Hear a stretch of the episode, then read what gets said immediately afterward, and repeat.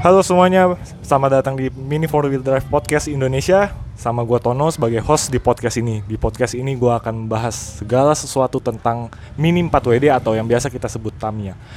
Oke, sekarang gua udah berada di satu tempat di daerah Jakarta Barat Yang digunakan untuk sebagai toko dan juga buat main Tamiya juga.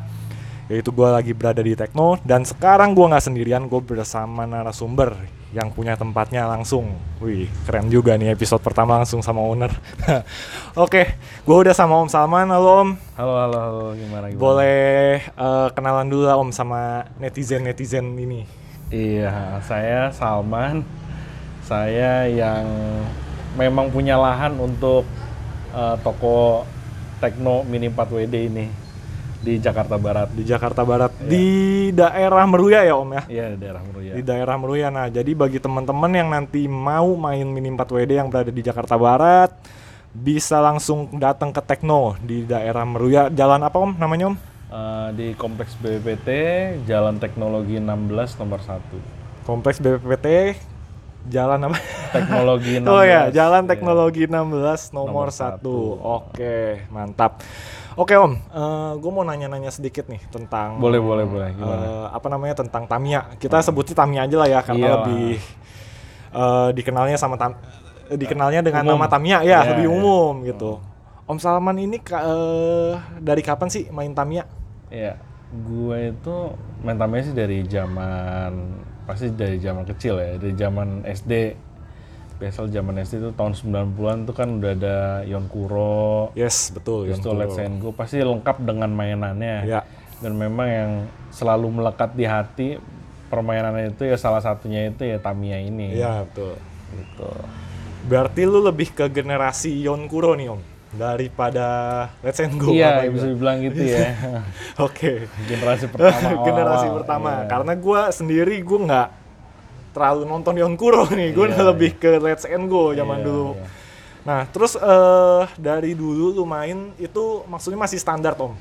Udah Masih standar box atau gimana? Iya, kalau masih kecil sih kita sih beli kit main terus biasa rusak kan kalau zaman Nah, SD. Dimaininnya di jalanan di garasi. Iya, iya, iya. Masuk ke got segala ya udah rusak lah habis itu.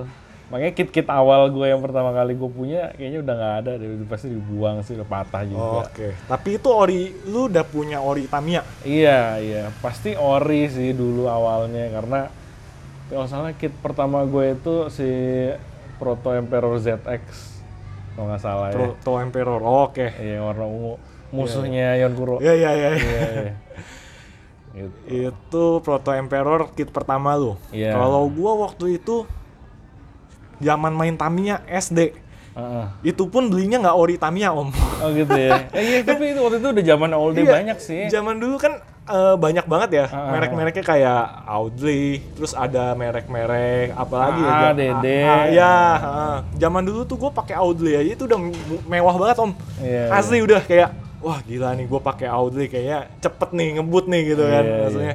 Nah terus dulu gue beli kit Tamiya itu pertama kali yang langsung ada boxnya, box Ah. kotaknya itu langsung ada boxnya itu gue beli terus gue bawa ke rumah dengan PD-nya gue rakit tapi nggak jadi terus setelah itu gue kalau minta beli Tamiya sama nyokap gue pasti dibeliinnya sama nyokap gue itu yang udah yang udah jadi yang dijadi. Ah, yang udah jadi. Gitu jadi gue emang payah banget sih gue dulu ngerakit ngerakit kayak Iya, gitu iya, iya. gitu nah terus eh, dari kecil lu main Tamiya sampai eh, mulai sampai sekarang nih lu main Tamiya Hmm. itu mulai lagi kapan Jadi waktu zaman SD tuh gue sempat main, eh, kayaknya kayak kelas empatan gitu. Terus gue ya udah biasa main. Habis itu kan pasti agak ada berhenti itu. hmm. Ketika mulai SMP, kayaknya tepat lebih tepatnya pas SMA itu gue main lagi itu udah zaman mulai zaman sloop. Oh sloop itu apa om yang kayak gimana sih Eh, kayak Tamiya tapi yang lebih sering dipakainya untuk eh, ciri khasnya tuh lompat jauh. oh, oke Eh, ya, ya, dan dia boleh settingannya bebas, terus mobilnya kencang sih pastinya. mobilnya ya, ya. Dinamonya pasti dikilik biasanya. Oh, oke Hmm. berarti main lagi pas zaman sloop eh, berlangsung sampai berlanjut sampai sekarang Ah, atau Eh, sloop itu saya cuma main bentaran. Soalnya kayak kayaknya kayaknya slope itu suatu hal yang serius ketika itu SMA kan kita ya main balap liar aja lah gitu ya. Taruh iya. di track terus main, kencang seneng. Hmm. Bisa tiga lap seneng. Habis itu ya udah, nggak biasanya habis itu selesai nih nggak main lagi.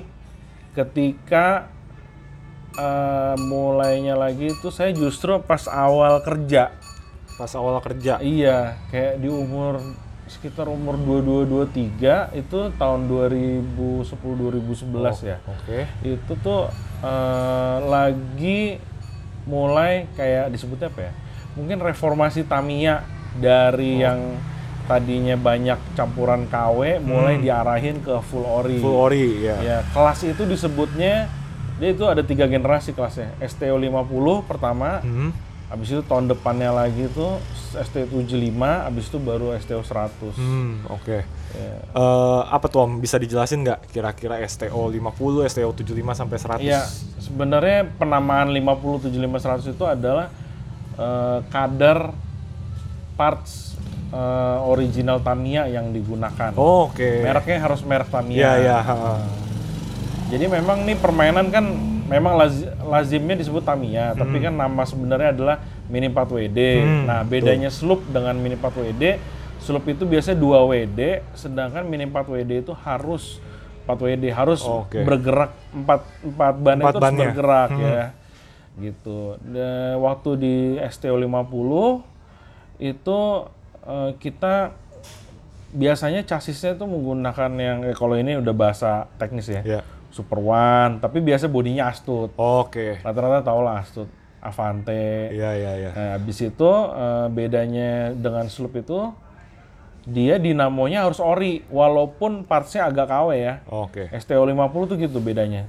Jadi eh, partsnya ori tapi dinamonya harus eh partsnya agak KW Ah, 50% maksudnya perbandingan tuh Perbandingannya. ha. eh, biasanya yang KW itu adalah eh, FRP Hmm. atau st- stay depan tuh bumper depan, Iya. akar belakang, eh, roller, bearing, ban itu STO 50. Oke. Kalau STO 75 yang orinya itu 75%.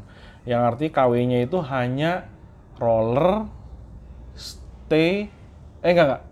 Eh iya benar benar. Roller, stay bumper, akar belakang itu masih bisa KW, bearing eh, KW, tapi sisanya harus ori. Oke. Iya, iya, iya. Dan STO 100 ya full ori. Full ori. Jadi memang intinya tuh semuanya itu dari generasi STO 50 sampai STO 100 S- 2012 itu udah harus ori. Jadi 2010, 2011, 2012 saya ingat saya ya. Oke. ha.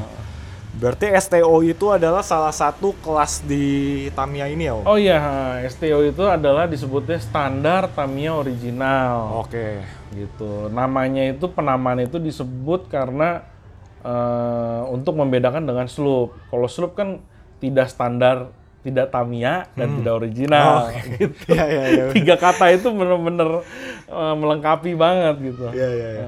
Nah, berarti kalau misalkan kita eh, menyinggung sedikit ke kelas, Om, ke kelas-kelas yang ada di Mini 4 WD ini. Iya. Eh, ada berapa kelas sih, Om? Untuk kelas di Oke. sini?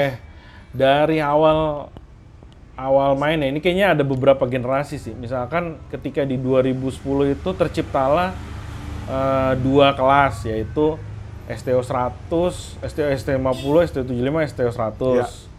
sampai 2012. Kalau di luar Tamiya ada sloop, Hmm. ada NASCAR Speed. Oh ya, oke. Oke, itu generasi satu kita sebutnya. Oke. Ada yang generasi klasik, Hah? Nah, generasi klasik itu yang settingannya tuh kayak di Yonkuro. Oh, kayak Dion Kuro. Iya, itu kayak masih full plastik dan lain-lain. Tapi kayaknya kalau di Indonesia sih percampuran dengan yang barang KW ya dan all day segala. Bannya biasanya ciri khasnya ban spon. Oh, oke. Eh, Oh, ya, ya, yang spawn nih, gue inget tuh. Iya, itu Pernah pakai. zaman-zaman klasik disebutnya. Iya, iya, iya, iya, iya. Eh, disebutnya settingan tahun 90-an. Ah. Atau kalau di luar negeri sebutnya uncle setup. Uncle setup. Iya, karena Oh, iya, kayak- iya. Uncle, uncle. Jadi paman semua yang main. Iya, iya. Gitu. Terus di generasi 2015-2016 itu mulai disebutnya generasi STO J-Style. J- STO J-Style. Iya, J-Style. Apa tuh Om? Bisa diceritain dikit? Itu ada, jadi gini. Di 2000 kurun waktu 2015 itu kita kayak di komunitas tuh ada pembicaraan lah mengenai kok Indonesia udah berapa kali ngirim wakil ke Jepang tapi sulit sekali ya mendo- apa, mendobrak dominasi uh, para pemain lokal Jepangnya Oh, gitu. iya, iya. Apa apa nih ada yang salah nggak Hmm. di kompetisi kita? Apa yang harus kita perbaiki? Oke, gitu. ha. Ya kita coba perbaiki itu pertama dari setup mobilnya Hmm. sama setup tracknya. Hmm. Satu lagi adalah kompetisinya. Oke. Nah, jadi ketika itu yang lazim, yang race itu biasanya em, mobilnya itu kan mungkin emang sudah STO 100, Hmm. tapi setupnya itu tidak mengikuti eh, desain terkini dari Jepang. Oh, eh, setupnya. Setupnya, Oke. setup mobilnya, settingan mobilnya. Oke. Kedua, tracknya itu biasanya track Indonesia itu biasanya panjang waktu itu. Ketika itu ya, Iya. tracknya panjang, IC-nya juga IC itu interchange itu Oke. buat pindah jalur itu juga kadang panjang. Hmm. Sedangkan di Jepang saat itu memang sudah lompatnya pendek, lompat kodok gitu. Hmm. Juga biasanya IC-nya hanya digunakan untuk perpindahan jalur. Iya. Nah, mengenai format lomba, memang ketika 2015-2016 itu belum banyak berubah, masih full kupon ya. Jadi eh, full kupon tuh artinya satu orang daftar biasanya dapat sekitar 50 sampai 100 kupon untuk try out mobilnya. Lalu ketika dia lulus lolos tiga finish, tiga lap finish, dia berhak maju ke ronde kedua Oke. ha. ke round 2. Nah, di situ itu yang disebutnya format kompetisi eh, STO 100 lah saat itu. Eh, juga STO 100 ini juga biasa digunakan juga di eh, format kompetisi lain ya, Hmm. di kategori kelas lain. Oke. Misalnya yang tadi saya sebut slope, NASCAR Speed juga, Hmm. dan satu lagi memang ya ini STB yang belum saya sebut. Oh, ya. STB. STB itu lahirnya agak belakangan dia tahun 2012-an lah. kira-kira. Oh, gitu. STB itu berarti standar Tamiya box. Ya, standar Tamiya box. Jadi ketika para racer STO 100 itu udah agak bosan Hah? gitu. Dan memang udah agak lumayan pricey ya, maksudnya agak-agak lebih mahal ya karena ngebangun STO 100 di tahun 2012 itu kayaknya udah mencapai mencapai di atas 500 ribu ya satu mobil Oh, sampai waduh. sejutaan. Akhirnya timbullah kelas baru STB. Iya. ha. Eh, toko-toko pada bikin kelas baru supaya anak-anak muda, anak kecil juga pada ikutan main lagi. Ya STB kan tinggal buka buka kit Hmm. terus langsung Pasang, main. ya, pasang langsung main gitu Ya, ternyata yang jago-jago juga ikutan main. Ini yang jadi masalah lagi. Jadinya kelasnya tidak murni buka open box. Iya, iya. Jadi STB ada pecahnya lagi, Ah. ada STB Pro, ada satu lagi TOB Cross Box, TOB CS sekarang Oh sebutnya ya. Ada yang namanya TOB murni itu yang bener-bener tuh keluar dari kit tuh. Oh, satu oke. lagi. Ah. Jadi ada tiga kelas itu. Ada yang TOB CS sama TO sama STB Pro itu kayak versi advance-nya dari eh, kit apa STB, STB. murni Hmm. gitu. Oke. Lalu eh, setelah tadi STO, eh, STB, nah eh, eh, ada satu kelas lagi nih Om yang mungkin lu salah satu apa ya pendiri bisa dibilang pendiri juga apa gimana nih Om? Bisa dibilang eh, inilah ya. Ya, ikut apa yang- lah. Ya, yang Ya, ngompo, ya, ya. yang iniin lah. Ya itu kelas SD nih Om. Nah, Iya. bisa dikit aja nggak Om jelasin kelas SD? Iya. Jadi kelas SD ini sebenarnya di dari luar negeri udah udah udah banyak sih. Maksudnya dalam arti di luar negeri itu sudah sering dimainkan oleh para pemain, tapi di Indonesia baru tahun inilah 2020 kemarin lah baru rame. Oke. ha. Kenapa? Karena ini kalau di Indonesia ada sebabnya sendiri bedanya sama luar negeri. Selalu Indonesia tuh punya punya alasan sendiri kenapa suatu kelas itu ada Oke. gitu. Jadi ceritanya di 2020 itu kayaknya suatu kematangan kompetisi Tamiya ya. Jadi udah sangat mengerucut lah ya. Misalkan let's say kayak STO 100-nya tuh STO 100-nya memang jadi terpecah ada dua eh, kategori tapi itu lebih ke kadar originalitas. Hmm. Yang satu itu adalah STO 100 harus full Tamiya, satu lagi STO tapi eh eh, STO tapi dia boleh pakai eh, KW ST. Oh, Oke. aftermarket atau BM black market Hmm. eh, atau replika bisa disebut juga. Nah, Oke. itu disebutnya kelas STO semua bisa main. Ah. Nah, dua kelas itu juga sebenarnya punya kategori lain. Ada yang disebut STO Indo Style, Ah. ada yang disebut STO J Style yang tadi. Oke. STO J Style yang di 2016 baru lahir tadi. Yang satu itu mengacu pada track Tamiya yang memang formatnya Indonesia banget lah ya. Biasanya ciri khasnya itu adalah tracknya lurusan panjang. Walaupun sekarang lompatnya kodok, tapi IC-nya eh, sebelum IC itu ada straight awalan panjang. Oke. Sedangkan kalau J-Style itu harus mengikuti eh, desain terkini di Jepang Oh. biasanya iya, ngikutin iya, iya. up to date Hmm. karena supaya kompetisinya misalkan ada yang wakilin Indonesia ke Jepang ya ini ya Iya. ini awalannya emang agak jauh nih saya Ah. cerita panjang nih jadi ada Indo style ada Jap style Ah. nah ketika eh, STO ini udah matang banget nah di sini juga STO juga ada satu apa, perpecahan lagi Hmm. maksudnya secara kategori yaitu kategori tiga jalur dan Hmm. lima jalur Tiga jalur. Oh, Oke. tiga jalur itu adalah biasanya nggak full gimmick Hmm. nggak full setup settingan ya pembuatannya masih agak masih agak nggak si- simple Iya, iya. tidak serumit lima jalur ini ya, lima jalur tiga jalur itu adalah tracknya Hmm. track yang digunakan padahal di Jap Style mah ya mobil itu adalah ya mobil digunakan disetting sesuai dengan track atau kompetisi yang dia ikuti. Oh, oke. nggak nggak ada tuh settingan tiga jalur lima Ah, jalur. iya, iya. Ya, kalau di Indonesia tuh unik ada sebutannya.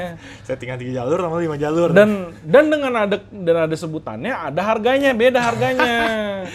Tiga jalur itu bisa nyampe eh, kalau KW-nya itu between 750.000 ribu sejuta satu setengah juta KW-nya full ori-nya itu bisa 2 jutaan sampai 3 4 juta tergantung builder Buset. ya tergantung bahan baku dan tergantung builder sedangkan kalau yang namanya Lima Eh, jalur. lima jalur karena full gimmick banyak parts HG karbon yang Iya, digunakan, roller segala yang banyak digunakan tuh yang juga ori-ori apa rare gitu. Hmm. Itu bisa bengkak biayanya nyampe 3 jutaan untuk bahan baku. Buset. Cuma bahan bakunya. Iya, tuh biasa bahan bakunya segitu. Berarti belum termasuk jasa buildernya. Belum, belum. termasuk eh, bahan Belum. bakunya udah termasuk Tamiya-nya. Iya, Eh, udah termasuk kitnya, kitnya. gitu. Oh, udah termasuk kitnya. Kayaknya enggak deh, belum. Eh, enggak, belum. Belum, belum. Biasanya tapi sekarang kan udah banyak copotan, Oh, jadi iya, nggak iya. nggak beli kit lagi. Iya, ya, berarti tinggal beli Iya, chassis ya gitu. Iya, iya, iya, iya. Ya. nyampe segitu jadi yang namanya STO 5 jalur itu kayaknya harganya tuh between 3,5 sampai ada saya dengar rekor sih sampai 6 juta ya. 6 juta. 6 juta. Gila. nah tapi ya jangan sedih. Ah. selalu ada orang yang lagi BU terus jual second. Oh, iya, iya, nah iya. yang kayak gitu paling sejuta sejuta sampai 2 jutaan lah kalau second. Nah, ya itu. Jadi buat temen-temen yang nanti misalkan mau coba main nih, terus denger setelah denger podcast ini, wah gila, mahal banget nih 5 juta buat Tamiya doang gitu. nah ini asal muasalnya nih iya jangan jangan sedih karena ada yang second. Nah, ada yang second dan ada yang kelas di bawahnya. Nah, ada kelas di bawahnya. Yang tidak tidak kalah menarik dan seru yaitu kelas side damper. Kelas side damper. Jadi memang ini background ceritanya. Uh, jadi ceritanya itu ketika harga harga untuk memulai hobi Tamiya ini udah terlalu mahal, Hmm. Kita para hobiis tuh ya berpikir lagi, aduh mahal banget sih buat main doang kan kita cuma pengen have fun doang, kagak yang serius sampai ke Jepang Yes, segala deh betul, ya betul. kan, Iya, iya, cuma betul, pengen kayak tiap uh, weekend kita nongkrong bareng, main ya kan sambil apalah lunch gitu kan ngobrol sama Ah, teman, iya, iya. hangout ngumpul sama teman Ah. ya udah jadilah kita cari kelas eh, yang kita buat. Di luar negeri ini disebut Tune Class. Kenapa disebut Tune Class? Karena menggunakan dinamo kelas Tune, Oh kelas tune. yaitu Oke. Rev Tune, Atomic Tune, dan Torque Tune. Oke. Sedangkan kalau di Indonesia udah ada sebelumnya namanya STO Basic. Oh ya. Heeh. Cuman perbedaannya STO Basic itu starter kit, Mhm. tapi dia nggak boleh pakai roller bearing, dia harus pakai roller plastik. Oke. Eh, apalagi ya, nggak boleh ditembus velgnya, Oh ya. Ha. Heeh, nggak boleh pakai brake seingat saya. Nggak boleh Toh, boleh atau nggak? Saya, saya kurang tahu. Soalnya saya nggak ngikutin. Sama kalau gue baca-baca katanya kalau STO basic itu boleh hanging, ya Om. Nggak itu Tareka, Hah, beda ya? beda. Oh, oke oke. itu kalau itu juga settingan jemuran namanya tapi tareka boleh nah itu di STO basic itu jadinya eh, kurang menarik Hmm. ya kan dan kurang kenceng Oke. karena dia eh, bolehnya cuma pakai roller plastik kan roller plastik kan keterbatasan Iya, ya ha. nah in the meanwhile kalau tune class yang di luar negeri boleh menggunakan HG karbon Oke. Nah, kedua kedua jenis kelas ini yang di luar negeri sama yang di dalam negeri kita satuin, ketemu di tengah, Hmm. namanya side damper class. Oh, Kenapa oke. disebut side damper class? Karena kelas ini tidak boleh menggunakan hanging dan catcher. Harus ya, menggunakan settingan side damper. damper, hmm. Side damper ini adalah eh, sebuah parts dari Tamiya Ori memang namanya side damper. Ah, Jadi ya itulah yang kita kita beri kelas nama kelasnya itu jadi side damper. ya. Oke. Setelah kita buat kelas side damper ini kita rapihin regulasinya dan kita buat eh, contoh settingan mobil pertama waktu itu S2 ya. Hmm. Sama satu lagi kita kan kerjasama ini ngebuat kelas ini kan bareng youtuber kondang Indonesia ya bernama Rosco Channel tuh Om Oke, Rosco. ya. Dia setupnya eh, menggunakan EMA yang biasa Ah. disebut Decuros. Oh ya. Jadi dengan settingan satu mewakili dari single shaft, satu mewakili dari double shaft, lalu kita buat konten dan kita buat lombanya pertama ya, side damper volume 1. Kalau nggak salah bulan apa tuh ya? Bulan Agustus ya di tahun lalu ya. Oke. Ya itu jadi gebrakan pertama lah untuk Hmm. kelas baru ini di mana di mana tuh ternyata banyak sekali para pembalap atau pemain Mini 4WD atau entusias Tamiya yang nungguin kelas ini. Hmm. Yang ibaratnya emang bener pengen gue cuma pengen main aja, gue cuma pengen balapan, tapi kagak serius-serius amat. Tapi gue juga nggak pengen mahal. Hmm. Terbukti untuk ngebuat ini kita cuma butuh sebenarnya starter kit bisa nyampe 300 sampai 400 ribu. Kalau mau serius banget, yang agak advance mungkin bisa habis sampai 700 ribuan sampai sejuta. Yang banget banget serius tuh sampai pakai partsnya rare itu. Ah. Ya bisa nyampe 1,5 ya udah disebutin waktu itu ya. Oke. Gitu. Jadi memang tune class yang di Indonesia harus menggunakan FRP dan boleh menggunakan roller bearing. Oke, jadi kalau misalkan bisa gue simpulkan sedikit, eh, SD kelas ini ditujukan untuk ibaratnya untuk pemula ya Om ya. Untuk, Iya. Untuk pemula yang ibaratnya STB bosen, Iya. STO itu eh, Keseriusan, kemahalan, ya, iya. kemahalan dan keseriusan. Ah. Jadi ada nih yang di tengah-tengahnya yaitu Iya, SD kelas. betul. Jadi boleh ngerombak dikit, eh, nggak sampai kayak STO tapi nggak bo- eh, apa? Ibaratnya boleh dimodifikasi lah gitu. Betul, Dan mobilnya bisa cepet juga. Kencang juga. Ah, gitu. Oke, jadi nanti mungkin untuk next episode-nya gue akan podcast lagi sama Om Salman untuk bahas regulasi kali ya Om ya. Iya, boleh, Untuk boleh. regulasi eh, SD kelas ini. Hmm. Nah, eh terakhir nih Om, Hmm. yang mau gua tanyain.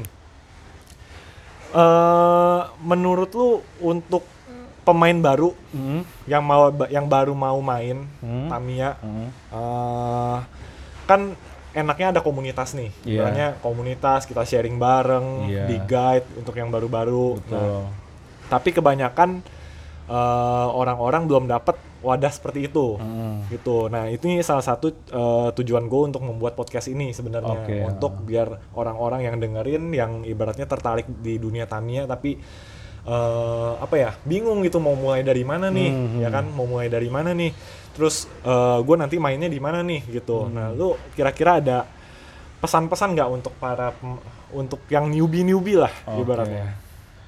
Oke, jadi eh, kita nih lagi suka hobi sesuatu ya, khususnya Tamiya misalkan.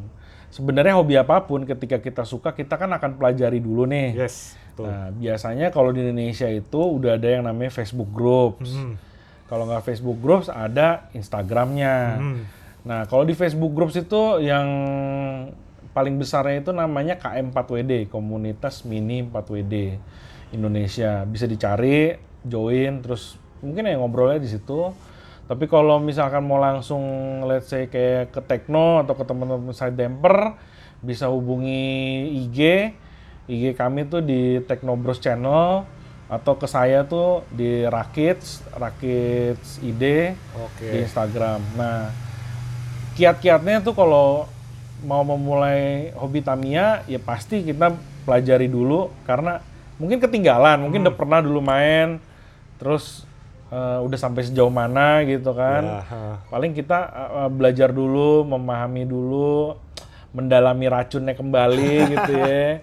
Nah, di YouTube juga ada silakan nonton Roscoe Channel lah terutama biar nggak tersesat. Oke, jadi buat teman-teman yang baru mau main udah nih nggak usah bingung lagi karena eh, apa ya wadahnya udah banyak lah sekarang bisa langsung datang ke Tekno, bisa langsung kalau misalkan malu-malu bisa DM dulu tadi ke IG-nya ke Tekno Bros Channel atau rakits.id. Hmm. Nah terus juga buat belajar-belajar bisa cek di YouTube juga, ke bisa cek di Roscoe Channel. Roscoe Channel di Facebook juga ada ya Om ya. Iya, ada juga. ada ada di Facebook juga. Nah jadi buat teman-teman eh, yang mau mulai gak usah takut lagi karena di sini pasti di guide. Iya. Bener nggak Om? Iya, Pasti di, betul. pasti diajarin ya Om Iya ya. betul. Nggak takut mahal juga sekarang ya. Nah karena banyak part KW, Nah, betul banyak part KW. banyak part KW. Masih ya. banyak kompetisi untuk yang KW, yang KW juga. Semua Ya bisa masih main masih ah, masih banyak kompetisi yang yang mem- memperbolehkan part KW.